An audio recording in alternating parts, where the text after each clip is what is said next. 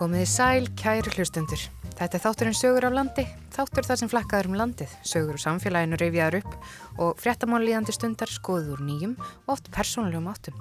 Ég heiti Gíja Holmgistóttir og með mér í þessum þætti eru þeir Rúnarsnær Reynisson, fréttamaður á Östurlandi og Ágúst Ólafsson, fréttamaður á Norðurlandi.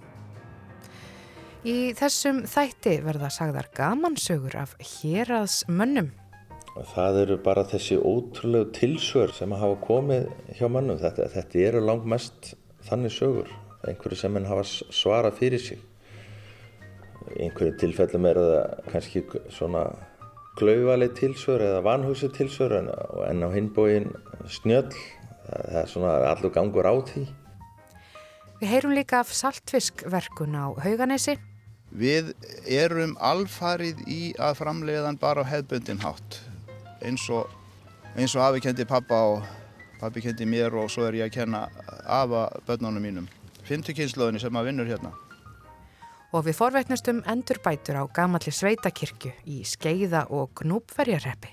Það er langt síðan að hafa gert eitthvað innan innandýra mm. en að utan var norði mjög illa farin og við byrjuðum fyrir svona þremur árum eða fyrir lengra síðan reyndar það er miklu lengra síðan við fórum að reyna að fjármagna þetta og það var nú aðal hausverkurinn sko að gera það. En það tókst nú endanum. En við byrjum á gamansömmum nótum en það hafa Íslendingar haft gaman að því að segja sögur og ekki síst af náunganum.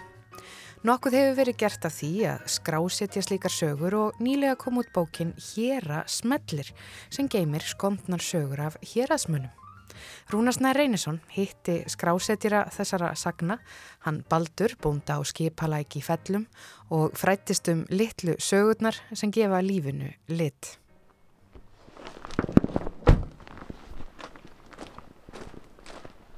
Góðan daginn. Góðan daginn, lesaður. Gjör svolítið gátt í bæinn. Já, takk. Sætti, ábyrðaði kaffi? Já, takk. Ég hugsa það bara. Baldur Gretarsson og, og bókin heitir Hérasmellir. Þetta er bók sem að þú tókst saman, getur þú sagt okkur hans frá því hvernig kom það til að þú fórst að taka saman bók með svona skemmtisögum um, af mönnum hérna hér að því? Ég fekk nú kannski hugmyndina þegar skagfiska skemmtisögur kom út í fyrsta skipti. Ég var nú strax heilaður af þeim og það voru nú komnar nokkra bækur út þegar ég hóf sjálfur söfnun á þessu sögum. Þó ég þekkti nú ekki nema örfáa sem þar koma við sögu þá hafði ég samt mjög gaman að bókunum og þá gerði ég mig greið fyrir að það er kannski ekki alveg nöðsynlegt að þekkja sögupersonur þá fór ég að safna saman og ég var eiginlega strax komið með efni í bók. Þetta var nú svona bara tilhörun sem ég gerði til að aðtöða hvort það væri, myndi vera hægt að, að draga saman í svona bók af þessu svæði og það reyndist auðveld fyrir nokkrum árum þá kom út uh, bók sem að hétt Hér að sprettir. Og eftir að svo bók kom út þá fóru menn svona að setja sér í samband við þig og, og með sögur sem þeim fannst það góðar að þær þurfti að komast á, á spjöldin. Já þá svona fóru sögurnar að koma meira til mín sko. Í fyrirbókinni var ég svona sjálfur svolítið að leita en, en eftir að hún kom út að þá fóru sögurnar að koma svona til mín meira. Menn fóru gauka að mér sögum sko. Spurði mig gætna þú voru ekki heilt þessa og þessa? Og þá þurfti maður að fara að skrifa hjá sér og vera fljótur meðan þetta var ferst í minni. Og segðu okkur hans bara hvernig sögur eru þetta? Þetta er nú mest sögur af svona viðbröðum manna þar að segja langflestum tilfellum tilsvörum, nittnum tilsvörum þegar mann hafa bröðist við í einhvers konar aðstæðum. Og þessar sögur hafa náttúrulega mest verið í munlegri geimt sögur sem hafa verið sagðar en núna eru það skrifaðar. Og þá má náttúrulega búast við því að einhver sem les hún finnst að hann hafi heyrt söguna öðruvísi. Þannig er það bara þegar sögur geimast þannig að þá, þá er hann aldrei eins eftir hver segir frá. Þetta eru svona kannski hálfgerði brandarar og, og það er kannski verið að svona gera þess eh, grína að ákveðnum personuleikum og, og því hvernig menn voru. Já, þetta er auðvitað að lýsi svolítið samtímanum sko og það er svolítið öðruvís að segja sögu eða, eða skrifa hana niður. Maður þarf að vanda sig þegar maður skrifa niður. Hún má ekki missa nýttnina og, og þar verður maður stundum að taka sér öll til skáldarlefi til þess að, til þess að tap ekki neistanum. Og flestar þessar sögur eru sko eldri frá svona fyrir tíma. Svona minna um sögur sem að tilhera nútímanum og margt að þessir horfið sem að kemur þarna fram eins og til dæmis sveitasímin. Ég efast um að unga fólki í dag bara viti hvaða fyrirbæri það var og bílakostur, hér áður var, var villisjeppi, landróver og rússajeppi á, á öllum bæjum í, til sveita, nú er þetta orðið allt öðruvísi. Og til dæmis í þessari bók þá, þá er ég með svolítið hérna hestamanna þema Ég segi frá hestamennskunni hér fyrir á tíð og breytingin ánum svo mikil sko frá því að þorpið var að byggjast upp þá riði menn um göttur eigista óheikað og þetta er mikil breyting, þetta sést ekki í dag og ég veit ekki hvort unga fólki myndi trúa því sko ef, ef þið væri sagt að það væri ríðandi menn um göttunar á eigistum eins og ekkert væri og riðu gerðnan norður yfir Lagafljósbrú sem að engum ditt í huga að gera í dag held ég eins og umferðinu orðin. Þetta lýsir samtíman með svo var. Ertu kannski til í að lega okkur að heyra eina sögu, til dæmis um Sveitasíman? Er saga um Sveitasíman í þessari bók? Hérna kannski sjáðu. Það var mikil breyting til sveita þegar sjálfvirki símin leisti gamla Sveitasíman á Holmi sem hafði sína sérstökur ringingu fyrir hvert bæ, byggða á morskerfinu. Þegar nýbúið var að setja sjálfurka síman upp á byrnufelli hjá Ragnari var Otur og Staffelli þar stattur en nýji símin ringdi í fyrsta skiptið. Eftir nokkra ringinga lítur Ragnar spyrjand á Ott og segir Er þetta hingað? Mitt, hann er ekki kveikt á perinni, Gallin. Nei, hann þekkti ekki þessa ringingu náttúrulega, þessa nýju ringingu. Það er nú alltaf hægt að skrifa svona sögu af hérasmönnum, það eru svona frissi í skólið komið þar við sögu sem að svaraði oft fyrir sig með skonnum hætti og, og hérna er nú til dæmis eina á honum. Frissi var lengi í símavinnu með fram búskapnum og syndi vinnuflokkurum verkefnum við svegarum Austurland. Eitt sinn í símavinninni var verið að hýfa þungan hlut og fullta mönnum í kring. Einum viðstatra leist ekki á aðfararnir og segir Þetta lýst mér ekkert á, þetta getur drepið einhvern. Frissi svarar að bræði Það gerir ekki til. Það er ekki lengi verið að búa til einn mann. Þetta eru svona hnittinn tilsvör og eru líka lengri sögur þarna með lýsingum á eh, einhverjum uppákomum eða slíku. Ég get nú lesið það verktakarnir koma svolítið við söguð þessari bók. Ég er með daldi hérna úr verktakabransanum og hérna er nú einn svona yngri saga af verktökum sem ennþá, ennþá starfa. Guðjón Sverrisson vélaverktæki var eitt sinn með aðstöðu í fyrrum sláturhúsi Verslunumfélags Östurlands í Fellabæ við hliðin á fyrirtækinu Bólholti sem reykur stípluþjónustu. Guðjón átti gamla vörubíl sem reykti óurlega þegar hann var settur í gang. Mátti heita að nærlegjandi hverfi hirfi í díselmekki þegar Guðjón gangsetti vörubílinn. Óskar í Bólholti þurfti helst að loka öllum glöfum á starfstöðsynni þegar gangsetning stóð yfir hjá nágrannum. Einn morgunin þegar Guðjón er að láta vörubílinn hlaða upp loftinu byrtist Óskar í þokunni nokkuð ábúðarmikill og segir við Guðjón Er ekki möguleik að laga þennan bílskrjóð þannig að hann reykja ekki svona? Guðjón svarar með sinni hægð Ég veit ekki hvort að borga sig en hann má eiga það greið að hann lagast alltaf þegar ég drepp á hann.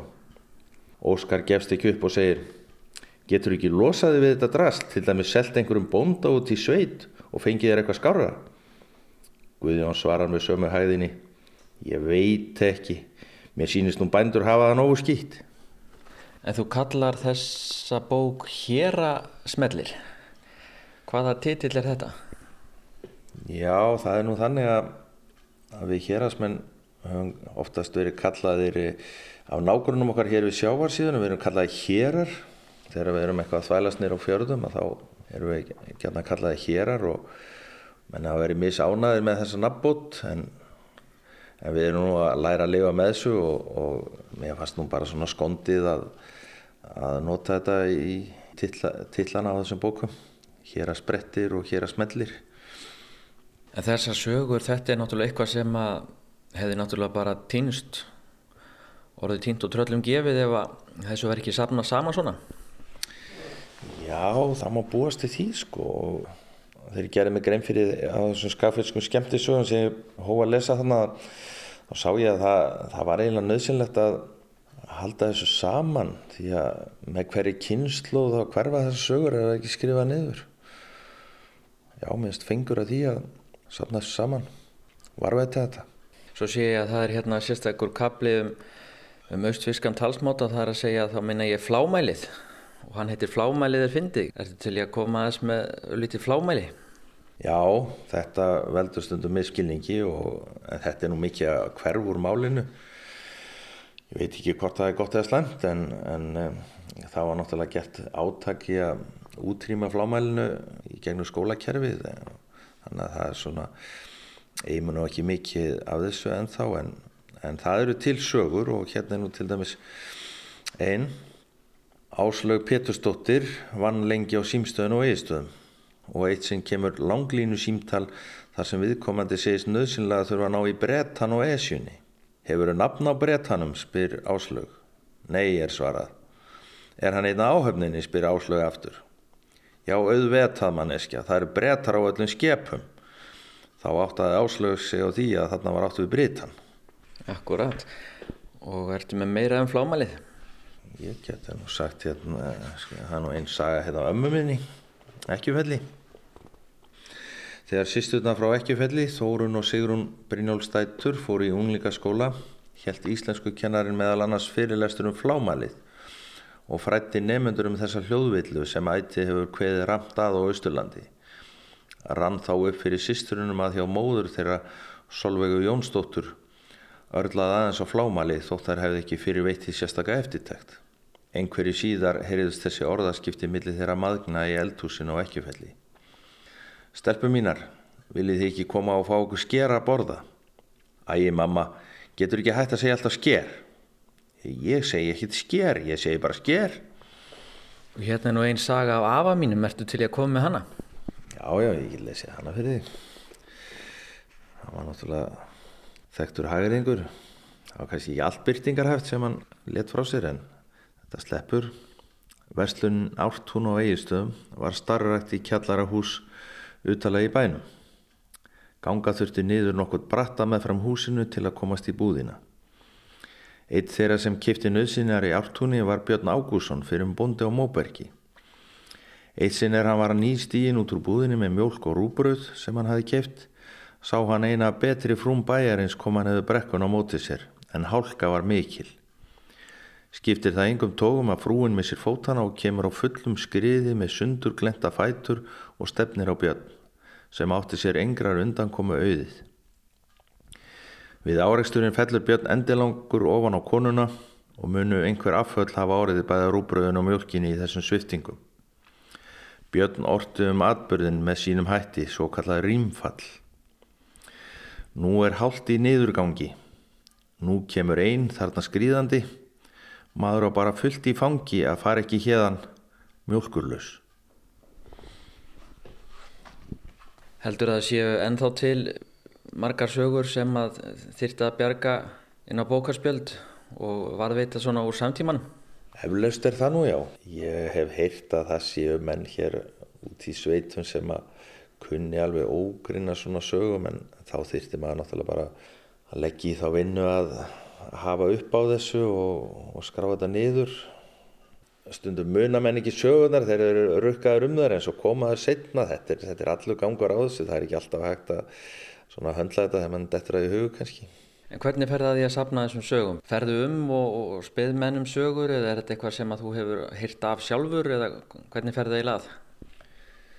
Já, maður hýttir mann bara á förnum vegi og það kemur saga og, og maður þarf bara að munan að þangu til að maður kemur heim og flýta sér að skrifa henni niður meðan hann er ferski minni og svo hef ég líka notað síman heil mikið, sérstaklega þegar ég veit um sögu en kann hann ekki alveg kannski nægilega vel sjálfur að þá, þá ringi ég menn og, og sem ég tel að kunni hana betur og þetta hefur auðvitað árið til þess að maður fær fleirin eina útgáfu en þá var maður að svona velja kannski það sem maður svona finnast. Og það er kannski ekki endilega sko sakfræðileg nákvæmni sem að ræður því hvaða útgáfa verður ofan á. Það er, sagan verður að vera sem best. Já, maður svona lætur það svolítið ráða sko eins og maður telur að hún verði finnust. Hvað er það sem að gera sögur finna heldur þú? Það eru bara þessi ótrúlegu tilsör sem að hafa komið hjá mannum. Þetta, þetta eru langt mest þannig sögur. Einhverju sem henn hafa svarað fyrir sig. Einhverju tilfellum er það kannski svona klauvaleg tilsör eða vanhugsu tilsör en, en á hinbóin snjöll. Það, er svona allur gangur á því. Og sjálfsagt eru sumar sögurnar sko vel yktar um sannleiksgildið má kannski segja að það sé það sé fótur fyrir þessu flestu. En eitthvað hefur nú verið bætt í líka til þess að gera þær svona meira krassandi. Og, og í einhverju tilfellum hefur, hefur sögum verið snúið upp á menn sem að hafa gefið á því færi og ég man eftir því til dæmis að ég var, var á ársáttíð sögur á landi þar sem var að vera að segja gaman sögur af sunnlendingum og þá heyrði ég þar sögur sem að, að búið að segja hér í marga áratí á hérna, ákveðnum íbúa hérna á héræðinu og maður held að hún tilerið honum og engum öðrum en þetta eru þennan svo kallu flökkusögur. En hefur einhver tíma fengið eh, neikvæð viðbröð frá einhverjum út af svona sögu að menn séu kannski ósáttir við, að, við hvernig þið farið með þá í, í bókinni? Nei, ég reyndar hveðið svolítið þegar fyrirbókin kom út að, ég er nú bara króaður af einhver staður og, og skammaður maður var bara hálf rægur við að fara út í búð á tímabili sko en, en, en ég eiginlega fekk bara eiginlega bara hrós fyrir bókina og þess vegna var ég nú svona svolítið brattari að, að fara í aðra bók. Menn tóku þessu bara vel og engin vinslit orðið út af þessu. Það er kannski eina sem var sett út á fyrirbókina það var að það var lítið að sögum að konum. Og það er bara einhvern veginn þannig að það hefur minna verið gert grínað konum bæði á þorrablótum og, og svona já, þessu formi sko en ég reyndi nú aðeins að bæta úr í þessari bók. Ég dró inn þó nokkra sögur af, af konum og þó að það, það var í miklu minni hluta þá, þá reyndi ég að bæta úr þessu. Það var kannski eina sem að mann mann höfðu við hinn að bókina aðtuga þetta er nú svo mikið umræðin dag. Konur vilja vera með. Akkurat, getur þetta verið að því að Karlarnir eru frekar að segja sögur sína milli í sínum karlaheimum eins og þú talar um í verktakabransa og í þessum vettfangi þar sem karlarnir eru ráðandi? Já, ég hugsa að það helgist nú af því að þeir eru að gera grín svona hver af öðrum og sína milli og svo held ég að bara kallmenn beri það mikla virðingu fyrir konum að þeir, þeir eru ekki að velta þeim upp úr einhverju gríni. Baldur Gretarsson á skipuleik, þakka að kellaði fyrir spjallið. Já, þakka þér sjálfum. Frá gamansömum að smellum er ferðinni heitið á Hauganis í Eyjafyrði. Þar er á sömurinn rekin veitingastæður sem að sérhæfi sig í saltfiskréttum og nú þegar ferðamönnum þar hefur fækkað eftir sumarið þá fer hinn hefbundna saltfiskverkun aftur í fullan gang. Þessi starfsemi er öll hjá fyrirtækinu ekta fiski en þar hafa sömu aðferðir verið notaðar við saltfiskverkun í ára tugi og hægt er að fá alls konar tegundir af saltfiski í sóðið sem oft er búin að liggja hálft ár í salti. Einnig eru þau hjá ektafiski að þróa nýja afurð úr því afgangssalti sem hinga til hefur verið hend og mun svo afurð nýtast vel í landbúnaði. En hann Ágúst Ólason fór í heimsókn á Hauganis eitt fallega november morgun og kynnti sér málinn.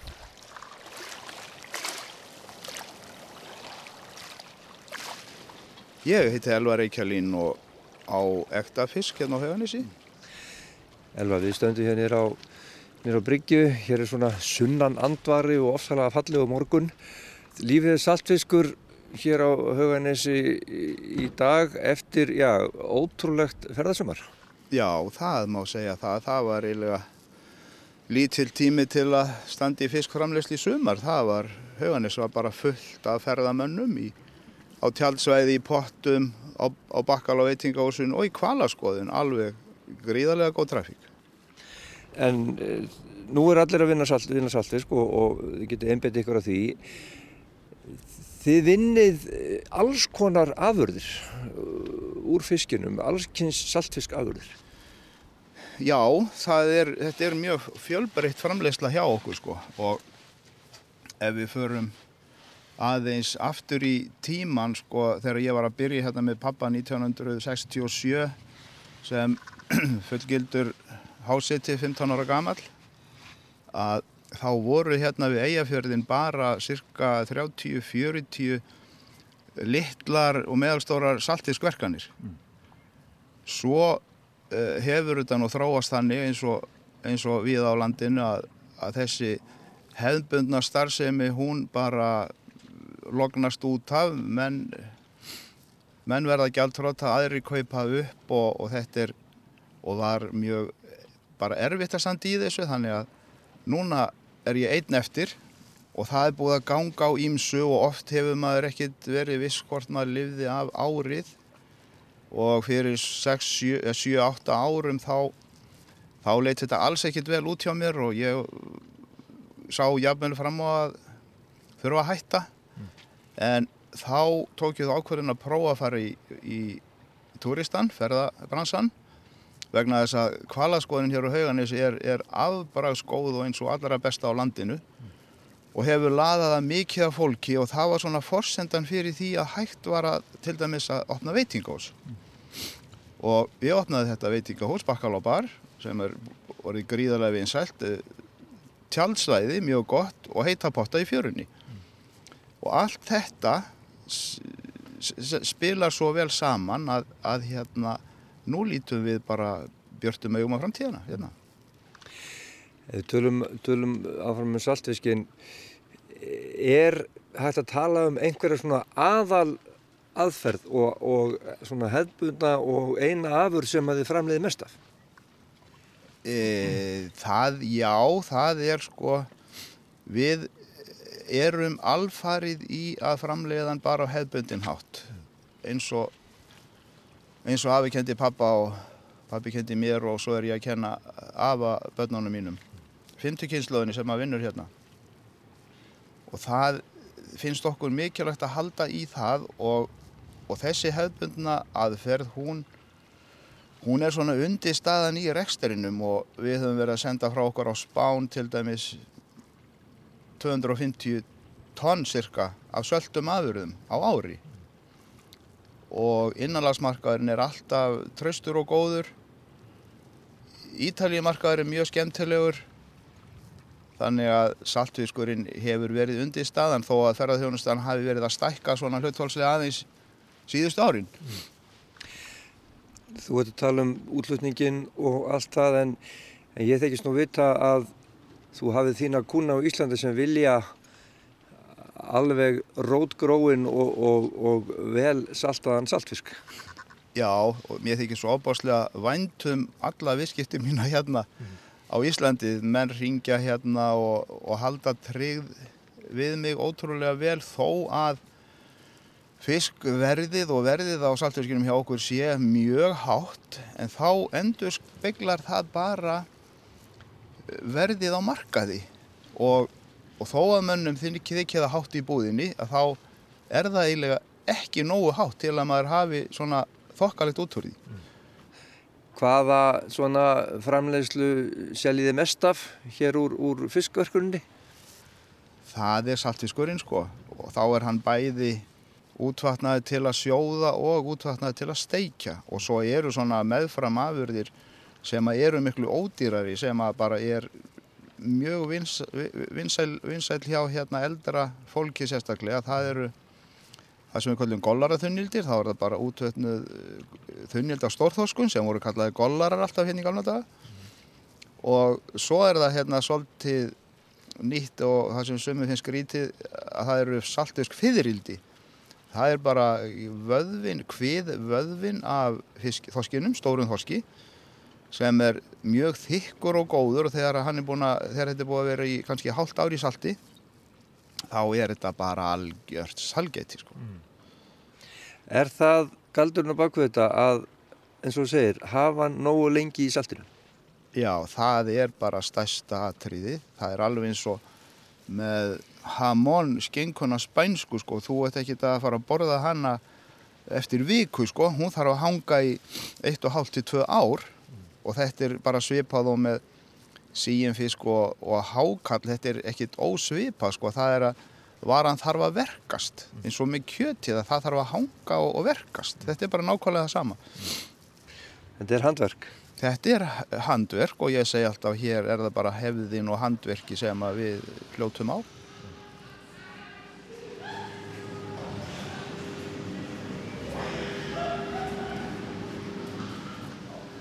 Helva, nú erum við komin hérna inn í, í vinslunum hjá ykkur og, og hér ertu með framleyslu sem að er mjög sérstök. Þetta eru, hérna er það að búa til, eða hvað, saltsteina? Já, við erum núna akkurat bara í gær og erum að byrja framleiðslu á saltsteinum úr afsalti sem að tvellu til í, í saltframleiðslunni, saltfiskframleiðslunni hjá okkur. Og þessu salti hefur nánast öllu verið hendi gegnum árin. Og það geta verið millir 50 og 100 tonn hjá okkur bara. Núna loksins erum við að fara að full nýta þetta fyrir búfíja og í þetta blöndum við alls konar góðum efnum eins og fiskimjöli, selen, vitaminum, kalki. Þannig að í þessum steinum á að vera bara nánast öll bætefni sem að búfíja þarf, kýr, hestar, kindur. Hvernig er, er vinsluferðni? Hvernig gerir þetta?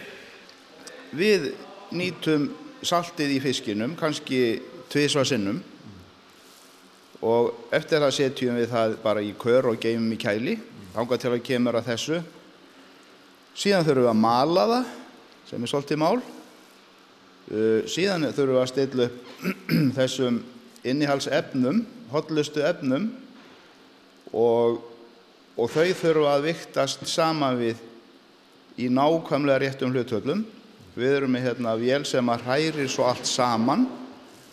Síðan er þessu held í 15 kílóa fötur og það eru flutt inn hérna hef ég heyrt yfir 5.000 tonn af saltsteini þannig að þetta er gríðalegt magna plasti og fötum þannig að við erum að vinna í því mjög ákveðið að finna náttúruvætni umbúðir eitthvað minna sem þarf að farga. Og við erum hérna í vakstarrými það eru, það eru hérna, það er námski sem að Sveitafjörlu og Norrlandi eistra halda með nokkru fyrirtækjum sem eru að þróa nýjungar. Og þar á meðal er verið að hanna eitt fyrirtæki plast úr þara. Og við erum búin að vera að ræða það saman að reyna að leysa það mál þannig að umbúðirnar verða bara jætnar að búfja Þetta er nýjasta viðbútin elvar. Nú í allir þessari framleyslu öllum þessum tegundum af saltfisk sem þið búið búið til og verkið eh, hvernig verður veturum framöndan hann er svona rétt að byrja. Það verður nóg að gera í allan vetur. Ég sé fram á bara nóg að gera í vetur. Við erum að fara að kaupa talsveit mikið af fiski til að flaka og salta fyrir ítalskan vinnminn og kuna sem að ringir í mig kannski þrísár á ári og segir Elvar hérna ég þarf að fá ekta saltfisk eins og eins og var framleitið sko að afaðínum og síðan að pappa og svo að þér það má ekkert breyt út af því það er bara gamla aðferðin. Og ég sendi þér pening þú kaupir 10-20 tonna stærsta besta fiskinum þú saltar hann, geymir hann í salti í 3-4 mánuði síðan útvatnar þann og pakkar og sendir mér. Og þá borga ég restina vinnulögin þetta, er, þetta eru viðskipti sem eru svo ótrúlega skemmtileg. Og það er engin samningu til um þetta. Þetta er bara tröst á milli manna. Og, og þú hér búin að vera hér í, í þessu þorpu að brasi þessum íslensku aðförum alla þína æfin annars, já þeir líkar þetta vel hér ég. Ég bara alveg elska þetta og, og að halda í hefðina og handverkið hér er allur stóri fiskurinn bara handflakaður. Og þetta er bara handavinn allt saman. Og ég bara segi það ofta að hérna, mér hlakka til að mæti í vinninu okkur í einasta mótni að fara að flaka eða bara vinna hérna með liðinu mínu. Elva, takk fyrir þetta spjall og, og gangi vel. Takk fyrir kærlega.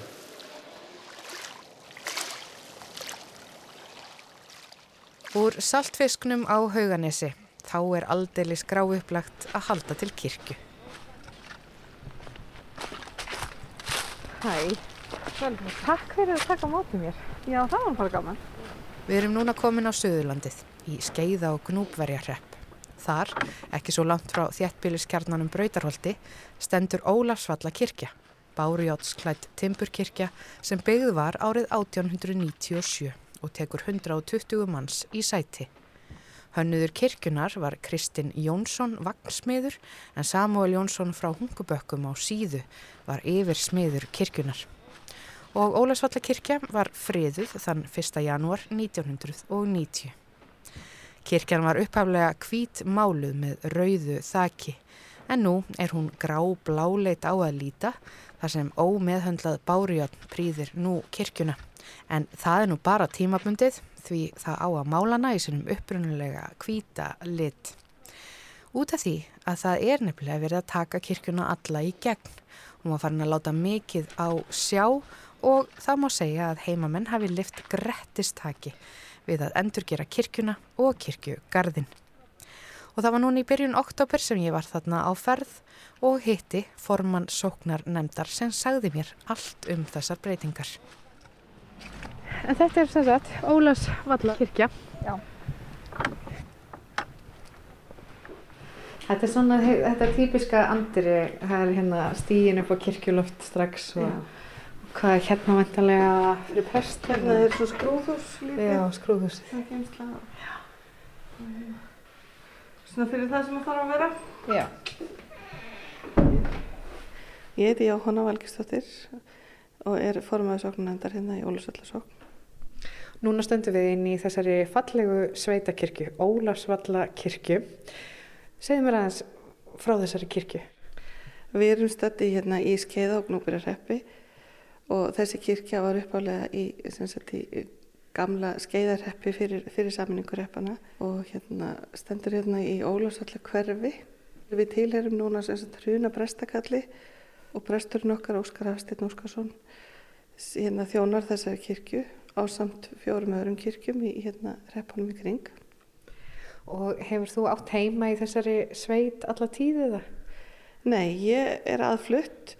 Maðurinn minn er fættur uppalinn hérna og við fluttum hérna fyrir, við erum búin að búa hérna í já, 19 ár. Þannig að þú hefur kannski fermt og skýrt og, og svona, já, hér hafa farið fram aðtapnir þinnar fjölskyldu. Já, á miklu leiti.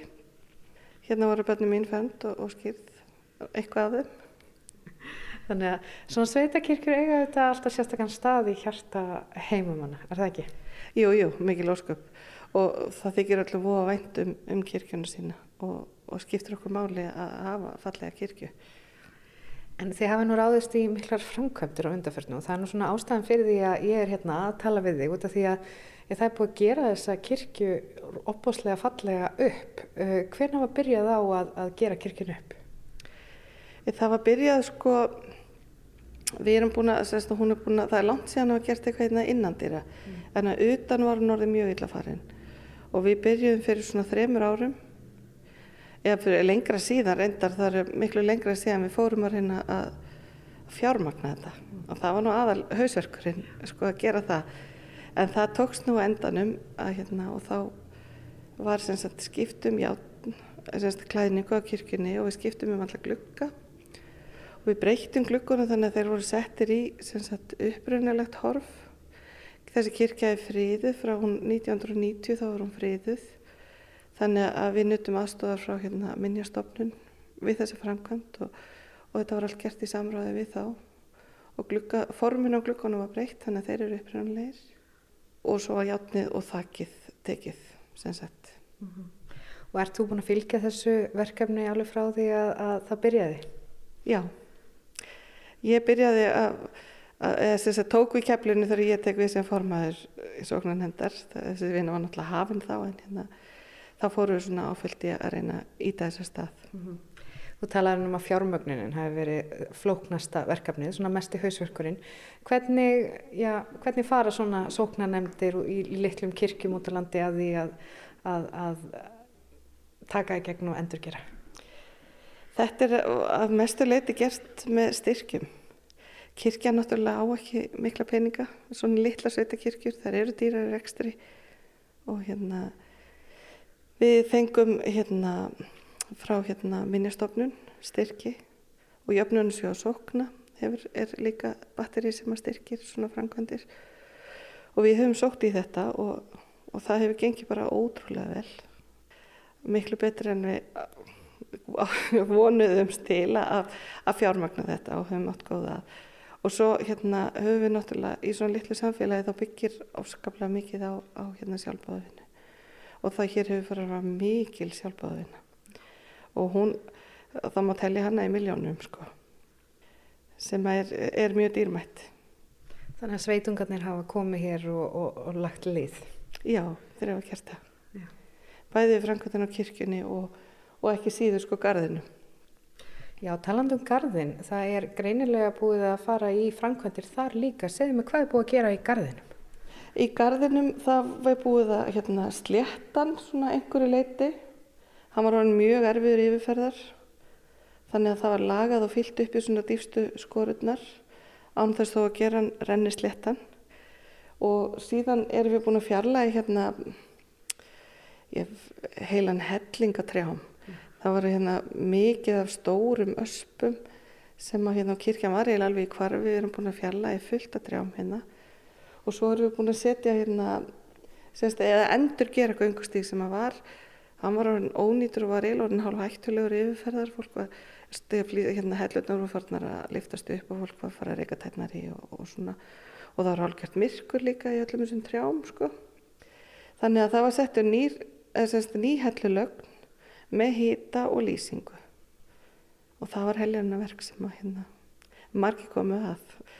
Og hérna kirkjukarðasjóðu styrst okkur myndalega þar og ásamt bara sveitungum Og það er nú uh, eitt svona klúpur, félagskapur sem að sér svo um að hyrða garðinu, það ekki? Jú, það er Læjansklúpurinn Dingur, heitir hann, sem er hérna í, í Skeiðoknúburreppi og hérna þeir hafa verið hérna okkur afar velviljaðir og staðið þéttubakki á okkur hérna. Þeir sjáum að hýrða gardinn og hérna staðin slegin svona 2-3 svar allavega yfir sumari fyrir eftir árferði aðeins og þeir hafa líka svona tekið að sér verkefni eins og hérna að fella tri og, og annað þess aftar og svo styrkjaður okkur líka myndalega inn á myndli. Já, ég tók eftir því þegar við komum hérna inn lappandi inn garðin þá er svona borð og, og stólar, maður sé nú ekki oft svona borð og stóla í kirkjugörðum, kannski ekki þessum minnstu, kannski stærri kirkjugörðum. Eh, þú sagðið að Læjánsklúpurinn hafi sett þetta upp, þarna kannski fá þeir sér kaffi þegar þeir eru já. að slá og svona, hittast svona eh, góðu félagskapur eða? Já, þeir gáf okkur þessa bekki og borð. Og þeir, já, jú, þeir nota þetta þegar þeir eru hérna. Og svo líka eru það eru margir hér sem eiga ættingi hér hér sem gardi sem kannski er ekki búsettir hérna lengur. Þannig að fólk hefur jafnvel komið hérna og bara fengið sér næsti já. og hérna um leiðu þar er hérna um, um sína ættingi eða leiðin og allt það. Formaður sóknanemdar, þú ert formaður sóknanemdar uh, og ert búin að gegna því ennbætti hvað lengi? í fjögur ár held ég, þrjú, þrjú ár, fjögur ár. Tími líður. Já, tími líður. hvað, hérna, hvað gerir formaðið sóknanemndar? Hva, hvað fælst í þessu hlutverki? Það er nú, sko, það er bara svona vera innan handar í, í hérna, og sjá náttúrulega um það sem þarf að gera í kirkjunni ásamt sko sóknarni, við erum þrjú í sóknarnefndinni og hérna og erum mjög hérna samhendi í því að, hérna þess að formaður og ekki formaður við náttúrulega vinnum þetta alls saman í svona litlu samfélagi og hérna og það er einmitt að sjá um kirkjuna, reksturinn og kirkjunni og utanum hald utanum um kirkjugarðin náttúrulega. Það þarf að sjá til þess þegar eru jarðafarir að þá eru grafatökur og ímislegt svona sem að, að hérna því kemur. Skipulag á helgihaldi svona, þessi presturinn sér náttúrulega um það en við svona fáum að, að hérna vera svona aðeins með hérna puttana í því að, að hérna koma með tillögur allavega og, og svo les og, svona Óskar hefur verið mjög duglegur að koma og taka upp svona alls konar nýjungar svona sem að miðla því að stöðla því að hérna, reyna að fá fólk í kirkjun okkar. Það hann hefur til dæmis verið með svona hann hefur verið með fjölskyldumessur þar sem að hérna hefur verið svona léttara yfirbræð, kannski meira aðlaðandi fyrir börn. Uh, svo, svo hefur verið með svona hérna dægulega messur þar sem að hefur verið svona kvöldi til það sem hefur ég verið kom, bara komið í hljómsveit eða söngvarar eða eitthvað svo leiðis. Svo hafa kóratnir líka verið með svona, svona kannski meira léttara heldur en svona hefðbundnar messur. Mm. Taland um kórana, uh, hvernig er kórastarfið í þessari kirkju? Er, eitthvað svona sameilu kór fyrir marga kirkjur eða, hvernig er, er því hátta hérna á þessu svæði? Já, það er sko sameigilegt, það eru tveir kórar, það er sem sagt Ólafsvallakirkja og Stórnúpskirkja sem er hérna í saminuðum skeiðugnúbyrjurreppi en kórarnir eru, þeir syngja alltaf saman í rauninni og hérna, og æfa saman og svo rótirar fólk bara á milli eftir því sem að vantar söngfólk. Er þú í kórnum líka? Já, Já. ég er í kórnum. Einhvern veginn dætt mér það í hug. og hvaða rödd syngur þú? Sóbrann. Já, já. Ég hugsaði allt en hérna, já. en sóbrann, já, sóbrannin. Eh, hvernig er stemmingin í kórnum? Hún er ofsalega góð. Þetta er mjög skemmtilegu félagskapur og hérna, þetta er svona, þetta er allt í sjálfbúðavinnu og þetta er allt svona áhuga, áhuga starf og þetta er virkilega skemmtilegur félagskapur sem að hérna er gott að vera í. Aðeins hérna, ég tek eftir alltaristablan ykkar hún er ansi óheðbundin fyrir svona Já. sveitakirkjur, hún nær yfir allan vekkin, þetta er málað á vekkin. Uh, getur þú sagt mér eitthvað frá þessari alltaristöflu? Já, ég geta, við erum mjög stolt af þessari alltaristöflu og hún þykir alveg afskaplega fallið. Þetta er síðasta kvöldmáltíðin og það sem er kannski merkilegt við hann er að hans, hérna, hún fellur inn í, sem sagt, alltari fellur inn í, inn í listaverkið eins og sér borðið hérna, þeir sita við borðið. Hún er málið af hann um Baltasar Samper og hann hérna, þetta er áheit hjá honum sem hann hérna gaf til þessari kirkju. 1968 held ég alveg öruglega, ég far rétt með að hún hafi verið málið og hérna, og margir segja hérna að margir þykist þekkja hérna sveitunga á andlitónu hérna á þessi myndum og eins og ég segi þá erum við afar stolt af, af þessari alltarstöflu. Aðeins svona um þessa sveit, uh, hvernig myndir þið lýsa þessu, þessari sveit hérna? Hvað er svona já, uppestadan í búskap og, og svona, hvað ennkennir það svæði? Aðal uppestadan hérna myndi ég segja að veri hérna kúabúskapur. Það eru ekki mörg fjárbú eftir hérna. Uh, og bílin eru svo sem að verða eins og hér eins og annar staðar stærri og færri. Það er bara þróunin hér eins og allstar annar staðar. Hér byrj líka mikið af fólki sem að, er, sem að sækir vinnu annað. E, fyrir utan alltaf við erum með skóla og leikskóla það er alltaf tölverta starfsfólki sem vinna þar. Mm -hmm. Og hvað er skólinn og leikskólinn staðsættur? Leikskólinn er í Brautarhaldi og hérna sem er bara hérna rétt já og skólinn er svo í Árnesi fyrir þessa tórreppi Já. og hérna þá semst hann er fyrst eftir sjöndubökkur er í Árnesi og svo fyrir úlingadeildin upp á flúðum Já. sem að það er svona svo kallega sapskóli sem að tekur svo úlingadeildina mm. Þannig að það eru skólabílar hér Já, það eru skólabílar Já, sko þetta sveitafélag er mjög stórt landfræðilega og það er þeir sem að fara lengst eru jú að fara tölvert langt en þetta er samt sko ég held að þetta vennjist bara mm. mér fannst þetta skjálfileg tilhugsun þegar ég flytti inn í sveitin að fara að setja börnum mín í skólabíl en svo svona, eftir á að higgja þá er það miklu þægilega heldur en að vita að það er gangandi einhver starf mm -hmm. Þú sagðist að vera aðflutt hvaðan erstu? Ég er alveg upp í seljakverfunu Breiðhaldið? Já, breiðhaldinu Og voru það viðbrið að koma hingað? Nei, nei, alls ekki. Ég er náttúrulega, er, ég var alltaf í sveit hérna upp í, upp í hérna Ístrageldingholti í, Knúburirepp. Þannig ég var svo sem alltaf með annan fótinn hérna.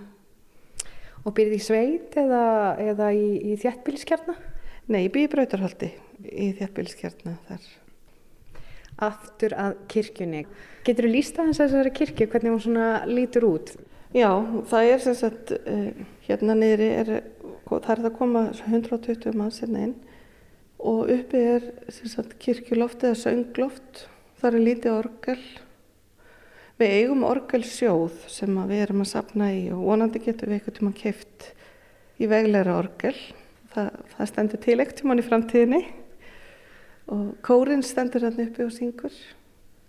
Þetta er nú ekkert stórt kórloft, þetta er svona, já, tekur þetta allan kórin eða? Já, já, við erum svo sem ekki það mörg sko að syngja en, en jú, þegar við erum öll að þá er bara þétt staðið. Já. Getum við farið hans upp á kórloftið? Já, já. Er búið að taka gólfin líka og... og... Nei, sko, gólfið er gammalt það hefur verið púsað upp bara. Já. Og þetta er sem sagt, þetta er ólíu, það þarf að ólíu beira þetta, þetta er svona, hér eru þeir að á vinna, Já, hér er ennþá eitthvað, eitthvað framkvæmdir í gangi. Hvað er verið Já. að gera? Er það eitthvað með glukkana eða? Já, sko það kom í ljós þegar hérna, klæningi var tekin á turninum að það kom í ljós að það var kýrauga á turninu. Já, bara svona ring, ringlaga gluggi og hérna við ákvaðum að að setja hann aftur. Og hann er bara nýkoð, þá þurfti að panta, sér panta hann og hann er bara nýkomið þannig að þeir eru líklega bara að setja hann í. Já, já, þannig að þeir eru að færa líka kirkjuna til eitthvað skonar upprunalega útlits. Já, við gerum, erum að gera það eins og, eins og hægt er. Og fenguðu menn frá, eða fólk frá minnjastofnum til þess að svona leiðbynningur einmitt í því öllu saman. Lítavali eða, eða þess áttar. Já. Þessar framkvæmdur eru allar unnar í, í sambandi við minnastofnun og, og hérna Pétur Á. Árnánsson hefur verið svona okkar helsti tengilið þar. Og hverjar til dæmis voru þeirra ábyrningar? Í, það var aðalega sko, þeir bara halda fast í það að kirkjan sé sem upprannlegastri mynd. Við, hérna, og það eru svona reglur sem að við fórum bara eftir eins og með játnið. Það er aðalega aðferðir að setja það á, útliti á glukkunum náttúrulega. Það, þeir voru teiknaðir og, og, hérna, og samþyktir í samræði við minnustofnun. En þurftu eitthvað að breyta málingu eða litum eitthvað svoleiðis? Nei, sko kirkjan á að vera hvít og, verður, og það var sett bara stál, eða semst játn á hana sem er bara grátt núna og þarf að veðrast. Svo bara verður hún málið setna, þannig að það er eftir. Þannig að þetta er hvít kirkja og þakkið raut eða blátt eða raut, raut þakk. Eins og hefur alltaf verið. Já. Og hérna stendur þú alltaf og syngur? Já, hérna stendur við að syngja. Já. Hvað enginn er svona messur í þessari kirkju? Hvernig er andin? Hann er hlýr, svona hlýleiki og, og svona það sem að skapast í svona lítlum kirkjum þar sem eru kannski ekki endla margir. Það er að verða aðamnirna persónlegri og það er með skemmtilegri finnst mér. Og næsta messa á sunnudaginn, fyrsta messan ykkar. Já. Takk fyrir spjallið uh, og gangi ykkur vel og til hamingi með þessa flottu kirkju. Takk fyrir það. Og þá er komið að lokum í sögum af landi í dag. Viðmælendur í þessum þætti voru þau Baldur Gretarsson, Elvar Reykjalín og nú síðast var rætt við Jóhannu Valgirsdóttur. Og við vekjum auðvitað aðtikli á því að þessi þáttur og eldri þættir af sögum af landi eru aðgengilegir í spilararúf og á öllum helstu hlaðvarpsveitum. Við þakkum þeim sem hlýttu, lifið heil.